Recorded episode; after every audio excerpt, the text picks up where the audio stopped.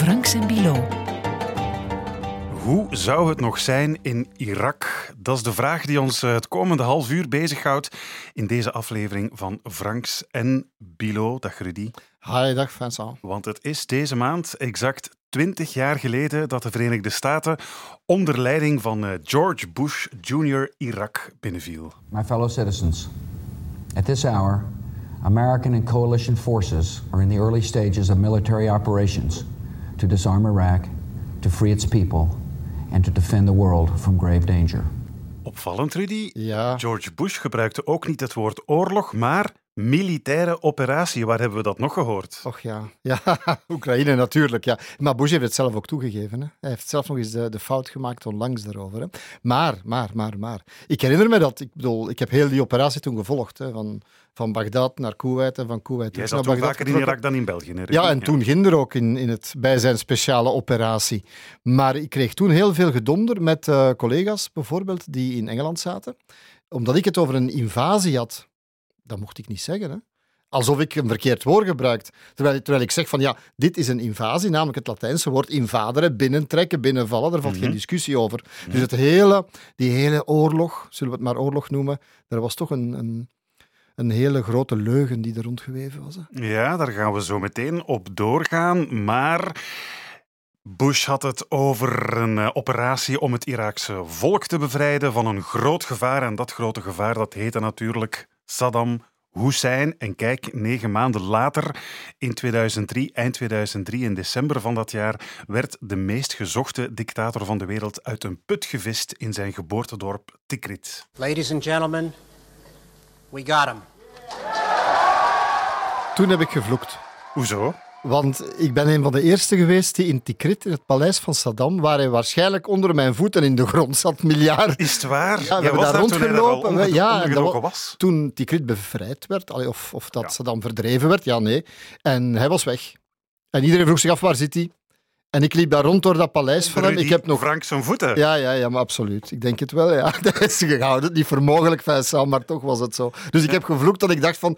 Ik heb overal gekeken, in elke kast, maar niet onder de grond.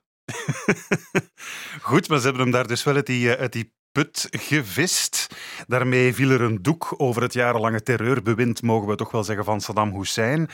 Maar eh, ja, hoe gaat het daar nu in Irak? Eh, Twintig jaar later eh, intussen. Toen zat het bijna dagelijks in het nieuws, Irak. Ik heb het gevoel, de voorbije maanden, jaren, Minder. gaat het nauwelijks nog over Irak. Wel, wat ik, wat ik wou zeggen, van het, eigenlijk is het hele verhaal van Irak is een tragedie. Hè? Je, wordt, je, je veegt een bestaande structuur weg. Een regime dat een dictatuur is, niet over te twijfelen. Ik heb de massagraven gezien van de tienduizenden, honderdduizenden Shiiten die in de grond gestoken zijn daar. Dat, is geen, dat is, valt niet over te discussiëren. Maar wat je dan weg, je veegt het weg, maar je bouwt niks nieuw op. Bush ging niet aan nation building doen. Mhm. En dan krijg je een chaos, anarchie en een tragedie die eh, eigenlijk tot, voor mij tot op de dag van vandaag nog doorloopt. Mhm. We hebben wel iemand gevonden die ons eh, kan bijpraten over eh, de situatie in Irak. En dat is eh, Hassan Al-Hilou. Heel erg Aangenaam. welkom in onze podcast, Hassan. Dank je voor de uitnodiging. Je bent ondernemer, oprichter van Capital. Dat is een Brusselse VZW die jongeren ondersteunt bij het ontwikkelen van hun toekomst. Maar je hebt zelf ook Iraakse ouders uit het zuiden van Irak, geloof ik. Klopt, ze komen beiden uit Basra. Basra, dat kennen we en dat kent Rudy ook, hè? Ja, ja, en hoe oud ben je, Hassan? Ik ben 23 jaar. Dus eigenlijk was hij nog maar drie Ja. toen die invasie plaatsvond. Hè? Zoals een groot deel eh, van eh, Irak zelf. Hè. Bijna 60% van Irak vandaag is onder de 25 jaar. Al Dus die jongeren die proberen een nieuw land op te bouwen, dat ze eigenlijk geërfd hebben van een oorlog die ze niet gevraagd hebben, waar ze zelfs niks van weten. Amai, maar waar ze dat is weinig wel- van weten. Dat is wel eigenlijk een hallucinant cijfer. Ja. Hoeveel, zeg, hoeveel procent? 60 procent. Dus 60? Irak telt 40 miljoen bewoners en 60 procent ervan is onder de 25 Dus jaar. meer dan de helft daarvan eigenlijk eh, kent Irak alleen van na die invasie van 20 jaar geleden. Dat is het. Wauw. Oké, jij komt er zelf geregeld ook nog, hè? Ik ben jaarlijks zeker wel in Irak. Ik ga binnenkort weer terug naar Irak, eh, omdat ik een project daar heb gesponsord eh, rond educatie. En ik ga dus met mijn eigen ogen zien of het eh, zijn impact levert. Misschien nog heel even terugkomen. Je komt uit de Basra, of het zuiden, de familie. Voor alle duidelijkheid, het zuiden, dat zijn dan de Shiiten. Ja, Ja, Het dus gaat dat- altijd er de terugkomen. Shiiten, Soenieten, Koerden. Belangrijk om dat de te geven. Shiiten. Ja, want laten we inderdaad misschien kort dat toch even schetsen. Dat is een belangrijk, eh, belangrijk onderscheid. Eh, de Shiiten zijn altijd in de meerderheid geweest in Irak, maar Saddam was een Soeniet. Hè, als Ja, ik het en de. Shiiten werden onderdrukt, achtergesteld. Hè. Ja, en dat kunnen we voor alle duidelijkheid, Soenieten, Shiiten, dat zijn eigenlijk twee interpretaties van de islam. Vergelijk het met katholieken en, En en, protestanten. en protestanten. Zoiets, Ja. ja. Oké, goed. Dat is even heel duidelijk, want dat, dat- daar gaat het inderdaad zeker nog over gaan. Het komende half uur. Laten we eens eh, terugkeren eerst naar die inval, invasie, zoals ehm, Rudy zei. Ik, ik vermoed dat, dat hij dat van jou wel zo mag zeggen, invasie, eh, Hassan. Hij mag dat zeker zeggen, niet enkel voor mij. Als je nu kijkt naar het laatste cijfers eh, van de UN, 91% van de jongeren geeft aan dat het een invasie was van Amerika, waar ze aangeven, de jongeren zelf, eh, dat ze daardoor eigenlijk een bepaalde haat tegenover eh, die land heeft eh, gecreëerd. En niet vooral een haat omdat ze kwamen, want zoals er werd aangegeven, heeft, hebben ze hun missie wel gehaald, hè, Mhm. namelijk Saddam Hussein weghalen van zijn positie. Maar het heropbouw, de hoop die ze dan hadden van heropbouw, is totaal niet gekomen tot en met vandaag. En daardoor heeft de jongeren toch wel een bepaalde haatgevoel van in steek gelaten. Ja, ja. Je moet je dat, die sfeer inbeelden op het moment, want we waren daar toen dat die troepen binnentrokken en dan werd eerst Basra bevrijd en, en vervolgens Nasiriyah, Kerbala en ze gingen tot in Bagdad. En overal zag je mensen die kwamen buiten kwamen, die, de Shiïtische bevolking, juichen. Alle beeldenissen van Saddam, want je had geen dorp waar geen standbeeld van Saddam stond of geen tegeltjes in de muur. Alles werd kapotgeslagen, vernietigd. Zo diep was die haat en zo groot de hoop. En dat is snel omgekeerd. Hè? Heel snel. Ja, want laten we misschien toch nog inderdaad even die context schetsen. 2003, die inval moeten we ook nog altijd een beetje zien, denk ik, in het licht van 9-11. hè. Bush is eerst achter eh, Osama Bin Laden eh, aangegaan in eh, Afghanistan.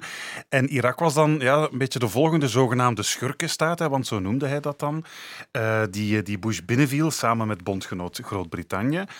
Onder het voorwendsel, mogen we nu zeggen, denk ik, Rudy, Absoluut. van Saddam, die zogenaamd massavernietigingswapens had. Bleek achteraf niet zo te zijn. Weten we ondertussen, is dat gereconstrueerd, wat nu de ware reden was waarom de Amerikanen Bush eigenlijk toen Irak zijn binnengevallen. Hebben ze dat echt als een voorwendsel misbruikt omdat ze andere redenen hadden? Of wa- wat, wat was eigenlijk heel de filosofie of de motivatie om, ja, om, om Irak toen binnen te vallen? Als ik even mag recapituleren, op dat ogenblik had je binnen de Amerikaanse regering ook twee trends. Je had Colin Powell, de generaal, de stafchef van vroeger, die minister van Buitenlandse Zaken was, het geweten zeg maar, die aarzelde. Terwijl je een hele klik had, zullen we maar zeggen, van de neoconservatieven rond minister van Defensie Rumsfeld en Dick Cheney, De vicepresident. Havike werd gezegd. De Haviken, de neocons, die wilden eigenlijk de wereld veranderen. Afghanistan na 9-11, Afghanistan weg. De tweede op de, in de rij zou Irak zijn en de derde zou Iran zijn, voor alle duidelijkheid. Dus daar zijn ze, zover zijn ze niet geraakt, omdat Irak zo'n catastrofe werd. Dus ze gingen dat veranderen en ten allen prijzen. Er zijn eh, overlopers geweest, er zijn dissidenten geweest vanuit Irak die in Amerika zaten, die meegewerkt hebben aan het reconstrueren van een bepaald verhaal over die massavernietigingswapens. Ik herinner me dat toen, want we gingen daar naar op zoek en we moesten dan als gekken achter die inspecteurs aanrijden van de UN die daar op pad gingen op zoek naar die, en dat zijn inspectieteams geweest, die voor alle duidelijkheid niks gevonden hebben toen. Maar dat was niet voldoende, er moest en zou gevochten worden. En dan kwamen ze af met één getuige. Één getuige. Ah, Ik denk dat het Snowball, of hoe heet het niet? Ja, ik denk dat zo was, dat was, dat was zijn codenaam. Die dan in, in, in Flu, in zo'n Flu artistiek tegenlicht, kwam vertellen waar dat er van alles was. Mobiele labs, ehm, Al-Qaeda-infiltratie, ja, waarbij de Amerikanen een rauwe zenuw raakten na 9-11. Ja, ja. En ehm, massavernietigingswapens. Ja. En dus zouden die er zijn. Daarna, na die invasie, na de oorlog, zijn ze maandenlang, zo niet een jaar lang, op zoek gegaan naar waar zaten die nu. Want nu konden ze overal, elke steen konden ze omdraaien. Ja. En ze hebben niks gevonden.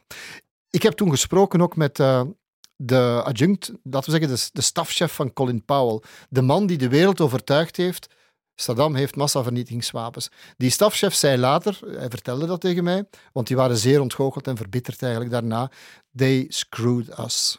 Met die woorden, they screwed us. Die gaven ons bewijzen in handen die niet klopten. Ja, laten we misschien ook nog even luisteren naar een, een, een gesprek dat je hebt gehad voor het programma of het documentaire De Vloek van Osama in 2011. Toen sprak je met James Marks. Ja, intelligence. Uh... Amerikaanse generaal die zo'n beetje het, uh, de inlichtingen moest verzamelen om, om dat bewijs eigenlijk hard te maken, zo gezegd. Dat, dat, dat was een redelijk absurd ja. gesprek, mogen we toch wel zeggen.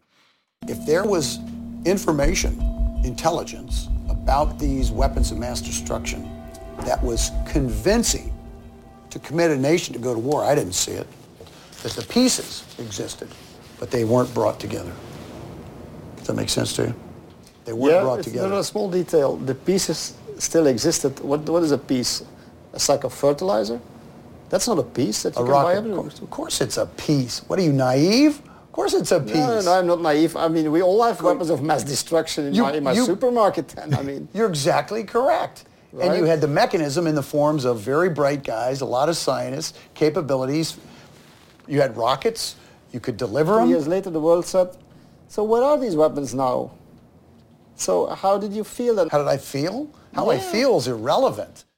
Dus eigenlijk, een, bij wijze van spreken, een zak kunstmest, eh, kunstmest vinden was al genoeg om eh, te vermoeden dat ze massavernietigingswapens konden maken, want dat zou een ingrediënt kunnen zijn tot Al de jaar en dag van. mocht er geen Ja. kunstmest binnen in Irak. Hè? Allee, om, om, op die redenen. Het eerste wat ze gingen bombarderen was, veronderstel ik, overal waar er een hoop kunstmestzakken bij elkaar lagen. Je kunt je niet inbeelden. Oké, goed. Hassan, we zijn er ondertussen achter dat eh, Amerika met eh, valse voorwenselen toen Irak is binnengevallen. Maar ehm, eh, we hadden wel allemaal de indruk dat de, de Iraakse bevolking op zich wel overwegend blij was met het feit dat Saddam uit de weg geruimd, Klopt. En r- weg geruimd werd, moet ik zeggen. Ja. Ja, klopt. En wat je wel moet weten in die context is dat er ook bepaalde eh, politiekers eigenlijk eh, heel hard hebben op ingespeeld dat hun die leugen mee hebben opgebouwd. Hè. Dus er zijn heel veel nationale leiders in Irak die eigenlijk eh, zeggen van ja, door een meeting die ik dan met het eh, eh, Bush administration heb gehad, met de beelden, met de foto's, heb ik ervoor gezorgd dat Saddam Hussein gevallen is. Ah hè. ja, ze hebben dat, dat een beetje meegevoed eigenlijk. Dat idee. Chalabi Ah, ja. en zo. Ja, Chalabi is eigenlijk echt de, degene die daardoor mega groot werd in Irak als politieker. eh, die aangaf dat het eigenlijk door hem is dat hij Amerika heeft misleid om in eh, Irak ja. binnen te gaan daarover. Ja. Dus het is een interessant. Opnieuw voor de Iraakse bevolking. Kwamen ze binnen voor die kernenergie, kwamen ze binnen voor de andere zaken, dat boeide hen niet. Voor hen was het belangrijkste dat echt eh, Saddam Hussein, de dictator, eh, kon vallen. Eh, en dat werd wel gedaan. Opnieuw, zoals we daarnet zeiden, what after. En dat hadden ze, denk ik, niet berekend. En daar is een heel belangrijk onderdeel van, namelijk die persoon als Chalabi, die dacht, de Amerikanen dachten, we brengen hier een aantal leiders binnen, uit ballingschap, al twintig jaar in Amerika of, of in Engeland, en zij gaan nu het volk Ja. leiden. Maar het volk kende die mensen niet. Nee. Het, het volk volgde die totaal niet. Dus die kregen daar een, een groep mensen binnen die eigenlijk vreemd aan Irak waren. Ja, en eh, het is wel zo dat het een groep mensen die dan wel weggevlucht waren uit Saddam Hussein, die wel een bepaalde intellectuele niveau hadden, hè, want vaak waren ze dan buiten Irak wel degene die protesten tegen de dictatuur creëerden. Eh, en daarom dachten ze, en die vaak ook het taal beheerden, dus vaak dachten ze van, die wel de juiste posities innemen. Maar het klopt wel wat eh, Rudy nu zegt, dat zelfs vandaag, een generatie zoals de mijnen, als we naar Irak gaan om opdrachten te nemen, om lezingen te geven, is het de stereotype, ah, daar zijn ze weer. Hè? Degene die eh, weg zijn gegaan en nu doen alsof ze het hier kunnen redden. Dus eh, je ziet heel veel jongeren rond de wereld met wie wij in gesprek zijn, want de Iraakse gemeenschap of de diaspora is toch wel, het is een groot diaspora, maar we zijn toch wel vaak in contact met elkaar. Die willen teruggeven aan Irak, vanuit hun academische achtergrond, vanuit het ondernemerschap. eh, maar die werden weggeschoten een beetje van Irak. En dan zijn er twee cruciale fouten gemaakt. De Amerikanen hebben het binnengehaald, hè, veroverd. Bremer, de pro-consul zeg maar, hij werd- ze gingen een administrator zetten. Dus de, de, man van We Got Him, hè? Eh, ja, zo eh, van, ja, eh, ja. die dan kwam eigenlijk Irak omvormen. Ja. Die had de handboeken gelezen, waarschijnlijk van de Tweede Wereldoorlog, de denazificatie en hoe dat Japan eh, moest bestuurd worden. Dus hij ging dan nog eens lichtjes overdoen in Bagdad. Hij heeft twee dingen beslist, twee cruciale beslissingen.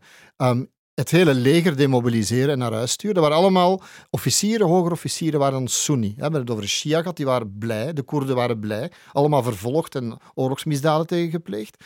De Sunni, ja, die, hun macht, hun voorrechten waren gebaseerd op die macht van Saddam Hussein en zijn klik natuurlijk. Die had het daar moeilijker mee. Dus het leger werd naar huis gestuurd.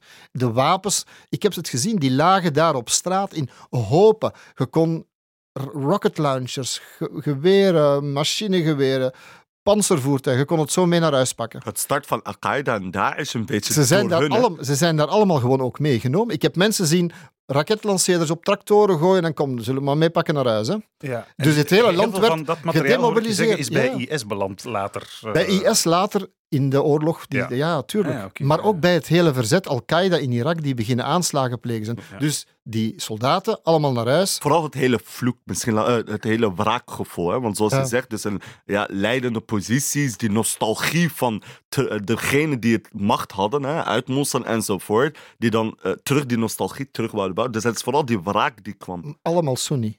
300.000 man naar huis. Van de ene dag op de andere geen geld meer, zwaar bewapend en gefrustreerd. Dat is uh, de recipe voor. En dan de tweede belangrijke uh, maatregel was, we gaan debatificeren. Dus iedereen die bij de baatpartij van Saddam was, ja, die werd opzij geschoven. Nu moet je weten, iedereen die gestudeerd had, die een of andere functie had, je kon alleen maar hebben als je lidkaart had. Dus als je iedereen die weet waar de knop van het licht staat of de kraan van het water, als je die allemaal naar huis stuurt, dan is er niemand nog die weet hoe het land moet werken. Je hebt het erover gehad in de eeuwige oorlog met uh, ex-premier Al-Abadi, geloof ik, over die uh, debatificatie, hè, dus het, uh, het ontmantelen van die baatpartij en dat, dat, dat, dat hele bewind eigenlijk. Hè. Laten we eens even luisteren. First decisions were debatification, remove all people from the Baath Party and all the security forces. These decisions, did they cause the chaos after? They didn't know much about the country, how the country is run. Uh, I think they were surprised that the whole regime has collapsed. We've been telling them even before that look, this regime is running the country like mafia. If the regime is toppled, the whole state will collapse, including the security forces, the armed forces, even government institutions, because they're running like mafia. Their men are everywhere. Wel, die les heeft Obama later goed naar geluisterd om Syrië niet binnen te vallen en Assad niet van de macht. Want Assad en de klan, exact als Saddam Hussein en zijn klan, is ook een maffia. En daar zou exact hetzelfde gebeurd zijn. Dat verklaart ook waarom mensen zich nog altijd afvragen waarom hebben we dat in Syrië, mm Irak niet eens dunnetjes overgedaan. Ja. En dus is die staat gewoon ingestort eigenlijk, hè Hassan? Ja, het is uh, ingestort. Uh, zoals uh, Rudy zegt, zijn er incompetente mensen die eigenlijk aan het macht stonden. Aan het macht stonden van stapsgewijs ook heel veel geld. die dan door olieinkomsten begon te komen, die door de contracten ook kwamen. Hè, contracten met buitenlandse bedrijven. En ja, daardoor is er jarenlang dan eigenlijk geen beweging geweest. En toen kwam op een bepaald moment bovenop al die chaos ook nog eens de terreur van IS. Wel, je moet het zo bekijken. Je hebt een vacuüm, hè, de staat stort in, de security is weg. Je hebt een vacuüm. Een vacuüm wordt altijd gevuld. En je hebt twee krachten in Irak die dat gevuld hebben, los van de Koerden die hun eigen koninkrijkje daar stichten. Je hebt een, het vacuüm wordt gevuld door twee krachten.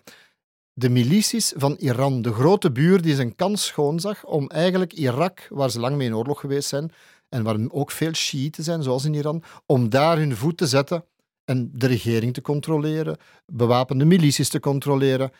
Als tegengewicht, al die Soenies met hun wapens thuis in de hof, hè, weet je wel, in de mhm. schuur, die zijn dan eigenlijk overgelopen naar IS. Eerst Al-Qaeda in Irak en dan nog de latere varianten ervan van het virus, IS. Ja. Dus die twee krachten hebben Iran, uh, Irak verder uit elkaar getrokken. Ja, en uh, we kennen allemaal de beelden van de bomaanslagen. En dus daarnet in het begin zei van, er is eigenlijk een tijdje dat we niet over Irak horen. Mhm. Voor de Iraakse gemeenschap is dat vreugde. Want dat betekent dat we het eigenlijk nu rustiger aan, veiliger hebben, beter doen. Ja. Aandacht misschien niet volledig op ons uh, ligt. Uh, maar we zeggen niet dat het uh, perfect in orde is. Wat wel ook daaraan gelinkt is bij het Iran-verhaal is ook, er wordt vaak gesproken over de Irak-Iran-relatie. Het ding is wel dat Iran een, grote voorsprong had tegenover andere buurlanden, tegenover in het algemeen andere landen, om ook een relatie te bouwen. Hè. Het moment dat eigenlijk uh, Irak um, zonder Saddam Hussein was, begonnen ze al met het relatie te bouwen met de politiekers, met de ondernemers, met de mensen, uh, religieuze leiders uh, in het Iraakse. En die voorsprong is wel een belangrijke nuance in de hele geopolitieke uh, spel gaande. We spreken zelfs bijna over een voorsprong van 13 jaar tegenover andere landen, Saudi-Arabië enzovoort. Dat is nu pas sinds een jaar of twee max dat ze gesprekken beginnen te voeren om echt een relatie te bouwen. Je moet weten dat die Iraanse pelgrims al jaren, dag, generaties lang met honderdduizenden Irak bezoeken, omdat de heilige plaatsen voor hun geloof zich eigenlijk in Irak bevinden. Najaf en Kerbala, waar Hassan vandaan, eh, van zijn familie nu woont, dat mhm. zijn de heilige plaatsen voor de Shiiten. Dus die relaties zijn er alsof Scherpenheuvel en Rome zouden in daar liggen. Hè? Ja, ja, ja, ik snap het. Dus voor hen is dat hun thuis ook een beetje. Ja. Maar ik heb je wel horen zeggen, Hassan, sinds eh, IS dan verdreven is, dat kalifaat uh, van de baan is, uh, Irakezen zijn, zijn blij dat ze even niet in het nieuws zitten, omdat het er wel beter gaat. Hoe moeten we ons dat voorstellen? Hoeveel beter gaat het op dit moment in Irak dan... Ja, het, het kon bij wijze van spreken ook moeilijk nog slechter gaan dan na de val van, van Saddam en de tijd van IS. Hè. Dat, dat, dat kan ik me moeilijk voor, voorstellen. Maar het gaat dus wel beter met Irak. Kijk, je moet het bekijken vanuit het perspectief van mijn generatie. Dus ik ben een twintiger, hè, altijd wel oorlogen meegemaakt of gevecht. En vooral het politieke agenda was altijd beheerd in Irak door één grote thema. Laten we zeggen, toen uh, Daesh in Irak was, was eigenlijk het politieke thema voor Irak enkel het bestrijden van Daesh. Onder, dus. Ja, ja, IS. Hè? Dus, uh, uh, en dus eigenlijk onderwijs, uh, logistiek, wegen enzovoort niet belangrijk. Want we hebben één groot thema. En dat is jarenlang zo geweest. één hoofdthema. En nu met de Soudani, dus de huidige premier uh, in Irak, is er eigenlijk niet meer één hoofdthema. Hij heeft niet één gevecht dat hij moet bestrijden. Dus hij zit nu in een landschap van, ah ja, we kunnen onze focus, onze energie zetten op meerdere thema's. Op onderwijs, op jeugd, op tewerkstelling enzovoort. En ook vooral, hij heeft het kabinet eigenlijk genomen in een economisch redelijk situatie. Hè. De olieinkomsten zijn gestegen. We hebben in 22 2,5 procent uh, van de BPP overgekregen hebben. Dus dat is, uh, ja, dat is heel... een, een, groei van meer dan 9 procent. Ja, we, waren, we zijn de meest groeiende uh, land in het, uh, in het, het Midden-Oosten. Ja. Mede door de oorlog in Oekraïne, voor alle duidelijkheid. De olieprijzen zijn zo gestegen dat Irak eigenlijk ervan profiteert. Ervan profiteert ja, en dus eigenlijk nu zitten we in een positie. Het laatst hebben we ook de Arab Gulf gehad in Basra. Hè, dus het spel tussen alle Arabische landen, het voetbal, dat eigenlijk voor zoveel jongeren uh, een moment van vreugde was. En ze hebben gewonnen, zeker? En we hebben gewonnen. Dus, ja, ja, ja. ja, ja weet je dat? Ik heb nog meegemaakt onder Saddam Hussein. De, de zoon van Saddam was de voorzitter van de voetbalbond. Ah, Als de ploeg, wat toen gebeurde, verloor, dan werden ze gemarteld aan hun voetzolen, de voetballers. Hè? Echt? Ja, bedoel, is, uh... Om te zeggen van hoe de wereld veranderd is intussen. Ja, en dus dat is eigenlijk uh, die hele vreugde, alles klopt nu. En dus de Sudan is daar zwaar van aan het uh, profiteren om toch bepaalde veranderingen teweeg te brengen. Nu hopen we dat het zo blijft, want we moeten niet vergeten, de, het BPP van Irak leeft eigenlijk van olieinkomsten. Dus als dat weer terugdaalt, hè, zoals een paar jaren geleden, dan zitten we terug met een grote catastrofe. Veel rellen, hè, vooral jongeren hè, die dan betogen. Um, en dus laten we hopen dat we daar de vruchten van kunnen uitplukken nu om toch juiste bewegingen te zetten. Heel mooi dat de olie nu zo belangrijk is, maar om even in herinnering brengen, men dacht toen, en het was ook wel zo, om de olie is het te doen. Hè. Als de Amerikanen binnengevallen zijn, was ook om toen, hè? Ja, ja. De eerste, want ik ben toen naar de ministeries gereden, allee, het, Irak stond in brand, hè. Bagdad, gebouwen, overheidsgebouwen werden geplunderd, was één ministerie dat onmiddellijk bewaakt werd door Amerikaanse tanks. Als een ijzeren ring daar rond en bewaakt ministerie van Olie. Alle plannen, alle, alle resources, alles moest gesecuriseerd worden, zoals dat heette. Dus gelukkig maar eigenlijk. Ja, dus, uh, en, en daar moeten we nu het, het vruchten van plukken. Maar natuurlijk, er zijn nog steeds heel grote uitdagingen. Als je vandaag kijkt, zoals ik daarnet zei, 60% eh, van de Irakse bevolking is onder de 25 jaar. In Irak vandaag, uh, en van die 60% vandaag is uh, eh, 30% jeugdwerkloos. Hè? Ja. Tussen de 30 en 40%. Dat is een heel hoog cijfer. Dat is een heel oh, hoog cijfer. Dus we spreken over miljoenen jongeren vandaag uh, die geen job hebben. En dat heeft niet te maken met dat ze niet uh, zijn afgestudeerd. Velen van hen raken wel afgestudeerd van de universiteit. Ja, dus blijkbaar wel een, grote op, een hoge opleidingsgraad in, ja, Irak. Wel, hè? Maar het uitdaging is, hè, de, en zoals ook in die omgeving, het zijn vaak klassieke richtingen, arts, uh, ingenieur enzovoort, advocatuur. Maar ja, op de duur heb je er ook maar genoeg ervan. Dus vandaag Irak moet eigenlijk 750.000 jobs per jaar creëren, liefst privé. uh, om eigenlijk een tegenbeweging te bouwen tegen de jeugdwerkloosheid. Vandaag doen er maar 50.000. En hoe pak je dat aan? Want dus eigenlijk... Je kan niet iedereen in de olie of in het ziekenhuis laten werken? Nee, vandaag zijn 8 miljoen Irakezen eigenlijk uh, op loon van de overheid. Dus eigenlijk uh, een vierde leeft van de overheid. We spreken dan over loon, uh, administratie enzovoort. Dat is totaal niet efficiënt, maar het enige manier om eigenlijk mensen te laten werken is via de overheid vandaag. En dus het enige manier eigenlijk om een, meer gediversifieerde economie te bouwen is door de privésector te laten betreden. Ook iets waar ik aan bijdraag bij Irak en waar ik vaak mee samenwerk, is hoe kijken hoe kunnen we het privésector in Irak aan de slag laten gaan. Het uitdaging daarvan is wel nog steeds die uh, gedachte van onveiligheid. Bon, gedachte, het is ook wel een realiteit. Hè?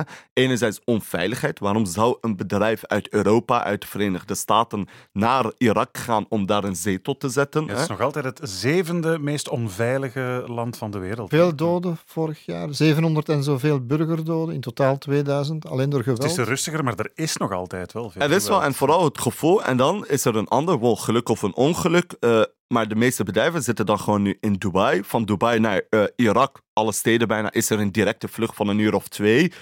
Dus vele bedrijven zien niet per direct de nut om eigenlijk in Irak te gaan uh, settelen. Dat is de eerste reden, de onveiligheid. En tweede reden, wanneer ik vandaag met Belgische bedrijven spreek, die toch wel de budget en de mogelijkheden hebben om in Irak iets te doen. Laten we zeggen bouwbedrijven, constructiebedrijven. Uh, die spreken ook wel vaak over, ja, is het wel aangenaam voor mensen van ons om naar Irak te rennen en daar te wonen. Hè? Je hebt volledig geen sfeer gebouwd voor internationaal, ja, de internationale sfeer, zoals tewerkstelling, zoals cultuur en entertainment. Mhm. Ja, en dan zit je. Wat daarover gesproken, ik ben vaak in Noord-Irak geweest, Erbil, daar hebben ze dat wel geslaagd. Daar zie je heel veel, Turkse vooral, maar toch westerse bouwbedrijven een, een zetel oprichten. Omdat daar meer veiligheid is, aangenamer sfeer, en gewoon een leukere leven, betere veiligheid. Bon, nu met het conflicten die gaande is, een beetje minder, hè, maar het is wel een aangenaam sfeer. En dus dat is de stap voorwaarts voor Irak, is om eigenlijk als land zijnde die sfeer te bouwen, die veiligheid. Uh, het bestrijden van de corruptie natuurlijk ook. Juist, want wat zou ik als ondernemer ginder gaan doen als je bij God niet weet aan wie je allemaal geld moet schuiven? Ja, en bon, corruptie is in die hele regio wel een algemeen probleem. Maar ja, als je niet mensen hebt die je kent, die je daarin ondersteunen, is het groot. Hè? Ik bedoel, het laatst nog in oktober uh, vorig jaar is er een van de grootste corruptiedossiers naar buiten gekomen. 2,5 uh, nee, meer dan een miljard uh, dollar die eigenlijk werd gegeven van de, ja, de banken eigenlijk van Irak, de RAF1, um, aan vijf bedrijven, waarvan drie bedrijven maar in de zomer werden opgericht. Uh, en die werd behoord door politieke mensen enzovoort. Dus je hebt wel gigantische corruptie. Ja, dat is van een andere orde als bij ons een paar pensioenuitkeringen, zou ik denken. Ja, ja inderdaad. Nu, ik hoor je zeggen als ondernemer ook, uh, Hassan, uh, die economie moet, moet gediversifieerd worden. Hè. Nu is Irak heel, helemaal afhankelijk van, van olie. Um, de landbouw bijvoorbeeld is, is jarenlang wel heel belangrijk geweest. Dadelproductie. Ik denk dat Irak jarenlang de grootste producent was van, van dadels. Ja. Uh, maar ook daar tegenover staat dat Irak een van de landen is waar klimaatopwarming uh, het, het, meest genadeloos toeslaat en waar dus bijvoorbeeld ook de, de agrarische industrie het meest onder druk staat. Hè? Ja, dat is dramatisch. Dus er zijn eigenlijk drie e economieën die je kan bouwen. Hè. Naast het, uh, het olie is de manufacturing, hè, echt. Het tweede is het toeristische en de derde is de agricultuur. Ja. Dat zijn drie economieën waar je weet dat je als Irak wel vooruit in kan gaan en een economie rondbouwen. Uh, en in de agricultuur is er ja, een grote droogte. Dus je hebt uh, vooral in de zuiden, hè, dus de regio waar mijn ouders vandaan komen, uh, is er een gigantische droogte gaande. Hè. Dat heeft enerzijds te maken met de klimaatopwarming. Dus eigenlijk, die Irakezen moeten ook mee betogen elke week. Hè. Dus de klimaatstijging is met meer graden in Irak en Syrië dan elders in de wereld. Hè. Ja. Dus dat is ja. een vreemd fenomeen zelfs. Ja, en daar wordt heel weinig aandacht op gezet eigenlijk. Hè. Maar dus Irak is een van de grootste slachtoffers eigenlijk van het hele klimaatopwarming Dat enerzijds. Anderzijds natuurlijk is er ook een tekort aan water in het algemeen in Irak. Dat te maken heeft met uh, de waterregistratiesysteem die niet gebouwd werd. Hè. Ze wouden dat doen in 2015, namelijk echt een nationale plan om het hele waterleidingen en systeem in Irak uh, stabiel te maken. Maar ja, opnieuw zei ik, IS, hè, Daesh kwam dan binnen, uh, die ervoor heeft gezorgd dat er geen aandacht op werd gezet. En de derde, we hebben twee buurlanden, Turkije en Iran, uh, die de water toevoeren. Want het water komt vanuit uh, die de rivieren vanuit uh, Iran en Turkije. Ja, ja. En die hebben het gesloten voor Irak eigenlijk. Ja, die Dus hebben zij dammen gebouwd. eigenlijk letterlijk aan de waterkraan van, Ja. eh, van Irak, eigenlijk, die Ja. twee landen. Ja, en dus eh, met Iran is er normaal gezien ook op internationaal niveau echt een rechtszaak. Maar natuurlijk, dat ligt nu eh, op de stillere kant. En tegen Turkije proberen ze onderhandeling te doen. Maar ja, de ambassadeur heeft nog een periode geleden van Turkije in Irak gezegd: ja, bouw eerst jullie eigen systemen en dan gaan we het wel bekijken.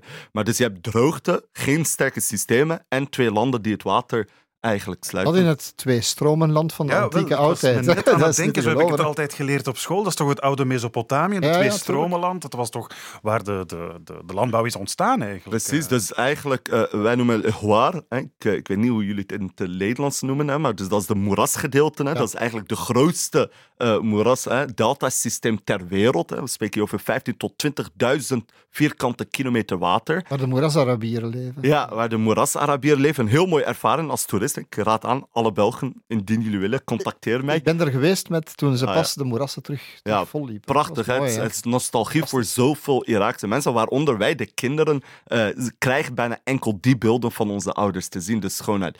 Die heeft al een heel grote trauma meegemaakt. In de jaren 90 heeft Saddam Hussein eh, dat eigenlijk eh, tot droogte gesteld. Hè. 90% van het water is weggaan eh, als wraak tegenover de zuiden, hè, omdat de zuiden tegen Saddam de Hussein was. Ja. En ook omdat opstandelingen zich in de moerassen verborgen Ja, hadden. en dus 90% is al weggegaan. Saddam Hussein is weggeraakt. De water, hè, met UNESCO enzovoort, is er water eh, weer gekomen. En nu begint het weer terug in het droogte. Wat is de uitdaging daarvan? Is dat eigenlijk in de recente onderzoek van de UN eh, geeft aan eigenlijk, en met Norwegian Refugee, want er kampt grote migratie daardoor, eh, is dat 40% van de boeren uit die regio eigenlijk eh, 90% minder inkomsten genereren van landbouw dan ze moeten hebben. Ja, omdat er ja. gewoon droogte is. En dus één, eh, de helft eigenlijk, één op twee van de jongeren uit landbouw is nu allemaal naar steden aan het gaan, omdat ze eigenlijk geen toekomst meer zien in het landbouw. Dus ze willen een job, ze gaan naar de steden. Maar ja, steden hebben ook geen jobs vandaag. En dus je ziet eigenlijk dat er een tikkende bom kan eh, ontstaan indien er geen antwoord op is. Ja. Intussen eh, moet ik ook denken aan Mosul. Dat is ehm, een stad die jij natuurlijk ook heel goed kent. Ja, Eh, ja, daarvan wordt gezegd, dat is wel een stad die helemaal heropgebouwd wordt. Ja, men, men zegt dat er wordt heel veel geld ingepompt, ook van de Emiraten, om bijvoorbeeld de Al-Nouri-moskee in het centrum op te bouwen, terug die, die antieke moskee en, en die oude stad, die, wat- die voor 80% dacht ik kapot gebombardeerd Ja. is, terug herop te bouwen. Men is daar volop bezig. Ik ben daar geweest twee jaar geleden toen eh, met bezoek van, van de paus, die naar, naar Irak gegaan is. Ja, maar het blijft, dat is geld dat binnenstroomt. Je bouwt iets herop, maar je moet natuurlijk ook wel het weefsel herstellen. Je moet een economische toekomst gunnen. En daar blijf ik mijn twijfels houden. Want Mosul was een van die steden waar Daesh en Al-Qaeda in Irak zich eigenlijk genesteld hadden. Dus je hebt een heel diep wantrouwen vanuit de elite in Bagdad over die stad. En de, ja, men, je, voelt, je blijft voelen die tegenstelling eigenlijk. Ja, wat wel mooi is, ik was nog eigenlijk een paar weken geleden, heeft UNESCO hier ook een tentoonstelling daarover ge- gedaan, eh, waar ik in de Bozar. Eh, en ik ben daar geweest, dus je merkt wel dat het een interessante manier van opbouw is. Hè. Zoals je zegt, wel heel hard gefinancierd ook door de Emiraten, maar ook door Europa. Eh, we hebben daar eigenlijk, dus UNESCO heeft daar 5000 lokale jobs gecreëerd hè, van mensen, van jongeren, die eigenlijk terug het heropbouw maken. Hè. We spreken over 150 beschermde huizen, hè, die eh, werden heropgebouwd, bijna meer dan 8000. Toeristisch is het ook fantastisch om daar Ja. naartoe te gaan. Ga naar de Moeras Arabier, de tuin van Ede van vroeger, zeg Ja, maar. En ga naar Mosul. En Ja, ja, ja. Nee, het is echt wel een heel mooi. Hè. Nog een belangrijke site, nu 30% van de ingenieurs daar zijn vrouwen ook. Hè. Dus eh, vooral de jongeren. Hè. Je merkt dat daar die gender eh, van cruciaal belang is bij de Iraakse jeugd. Hè. Dat er gewoon meer gelijkheid is eh, tussen de man en vrouw. En dus we hopen dat het wordt heropgebouwd. En vooral, we hopen het zodat er een nieuwe economische weefsel is. En dat is ja, geschiedkundige toerisme of historische toerisme ook naar Irak begint te gaan. Vandaag is de deur open hè, voor toerisme, voor bepaalde paspoorten. Maar dus eh, mensen kunnen nu naar Irak gaan om eigenlijk Irak te ontdekken, het geschiedenis van Irak te ontdekken. Ehm, en dat is wel een belangrijk pilaar naast de religieuze toerisme, dat toch al heel bloeiend is. mij, zou je het mij nu al durven aanraden om echt als toerist naar Irak te gaan? Ik vind van wel, maar natuurlijk misschien ben ik heel subjectief in dit. Hè, maar, ehm, Ik heb al gehoord van Hassan dat we, we, we zouden eigenlijk een reisbureautje moeten oprichten om dat Aha. te regelen. Er is je moet een groep hebben, ja. Ja, ja, je moet een groep hebben. En er zijn, vooral in de Verenigde Staten en de UK, al van die groepen die Iraakse toerisme aan het stimuleren is. Je ziet dat op YouTube, van die vlogs nu, eh, die eh, gaande is. En ik had eigenlijk gisteren nog met een andere journalist in gesprek die ook eh, eh, ja, als toerist wilt gaan gewoon in, eh, in Irak. Dus ik raad het wel aan. Natuurlijk raad ik het wel aan met mensen die je kent. Het blijft wel een...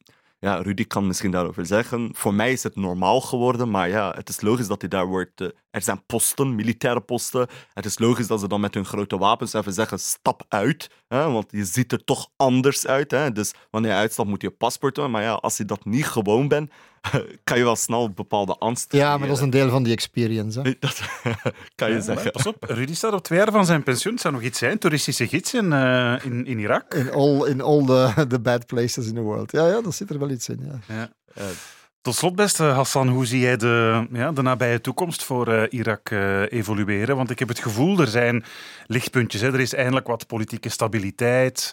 Eh, zoals je zegt, minder geweld. Ze kunnen zich eindelijk eens weer op een aantal dingen focussen om echt dat land herop te bouwen.